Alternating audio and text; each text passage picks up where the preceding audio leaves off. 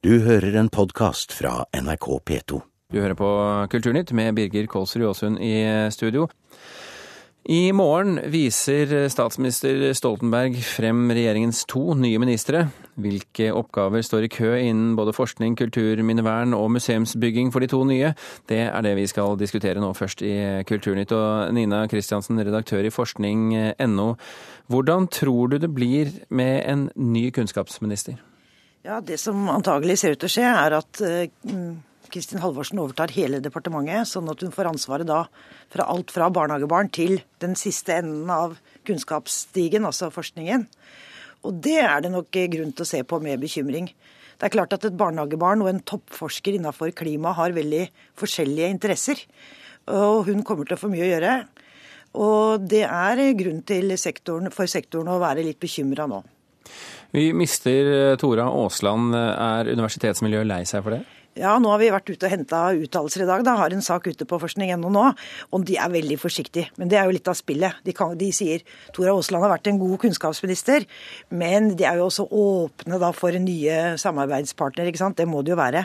Men jeg er ganske sikker på at innad så skjelver man litt i buksene, fordi at det, grunnen til at vi har en egen forskningsminister, er jo fordi at det funka jo ikke med å ha én i 2007.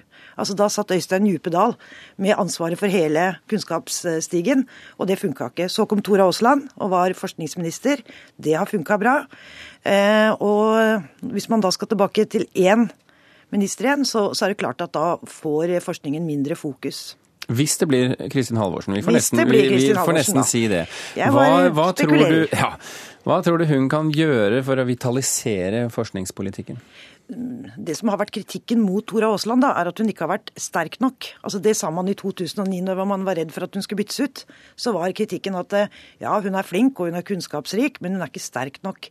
Det, Hva betyr det at hun ikke er sterk nok?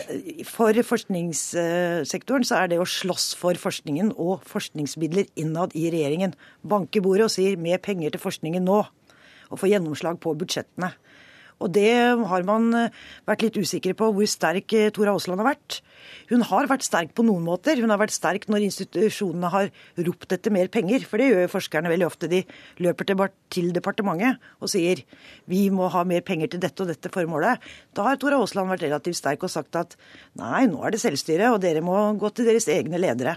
Men, og det har nok kanskje gitt oss en posisjon hvor hun den styrken hun har vist, da, har kanskje vært opp mot institusjonene, og ikke så mye innad i regjeringen. Det har ikke vært så tydelig. Føler dere at hun ikke har vært helt på lag? Hun har vært kjempe på lag. Hun har vært veldig mye til stede på arrangementer og sånne ting. Hun er kunnskapsrik. Men hun har nok en mild framtoning som gjør at man har vært da usikker på hvor mye hun slåss om forskningsmidler på budsjettene. Agnes Moxnes, kulturkommentator her i NRK. Vi får også en ny miljøvernminister i morgen, Bård Vegar Solhjell, etter alt å dømme. Blir det mest miljø eller mest vern med ham? Altså, Jeg tror det store oppdraget for SVs politikere i alle ledd nå er å løfte partiet SV. Og SV er og skal være et miljøparti. Det ønsker de å være, det vil de profilere seg på. Og det har Bård Vegar Solhjell gjort tidligere. Han har fått mye skryt for internasjonalt arbeid som han har utført på miljøsiden, bl.a. i regnskogsproblematikken. Men hva med kulturminnevernet? Ja, jeg skal komme til det. Fordi at, For å nevne Bård Vegar Solhjell, som er den nye, som antageligvis da blir den nye miljøvernministeren, så er det også en annen stor utfordring på, på miljøsiden. Det er jo klimameldingen som står for tur, med store politiske utfordringer. Så svaret på spørsmålet ditt, Birger, det er det blir nok antageligvis også med han mer miljø enn vern. Hva er de største utfordringene for Solhjell, hvis vi nå forutsetter at han får en del tid til kulturminnevernfronten? Ja, Det er mange. Eh, altså Vernesiden, kulturminnevernsiden, regnes som det forsømte barnet i Miljøverndepartementet.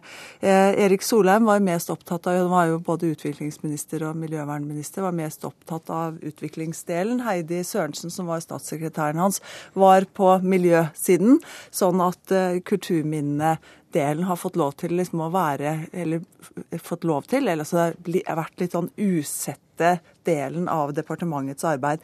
Det har de fått mye kritikk for, eh, for bevilgninger som ikke har økt, og målsetninger som ikke er blitt eh, oppnådd. Og departementet, den delen av departementet fikk en ramsalt kritikk fra Riksrevisjonen i 2009. Og folk jeg har snakket med innenfor kulturminnevernet i dag, de mener at den nye statsråden, uansett hvem det blir, bør før han gjør noe annet, lese eh, den rapporten fra Riksrevisjonen. Ta imot nøkkelen, lese Riksrevisjonen. Eh, et ekstremt viktig kulturminnespørsmål eh, er selvfølgelig hva vi gjør med vikingskipene. Om de skal flyttes eller utsettes for store påkjenninger under eventuell bygging av et nytt kulturhistorisk museum på Bygdøy. Hvor glad er Halvorsen, hvis det nå blir henne, for å få dette spørsmålet i fanget? Ja, Tora Aasland var jo livredd for at hun skulle eh, vedta å flytte vikingskipene, sånn at vikingskipene gikk i stykker. Det har ført til at det har vært en kjempelangvarig eh, prosess som ikke er avsluttet ennå. Men det er en ekspertgruppe på gang som skal visstnok levere en rapport nå før påske. Eh, så jeg kan tenke meg at Tora Aasland er litt lei seg for at hun ikke får ført akkurat den saken der med kulturskatt nummer én i mål, kan jeg tenke meg.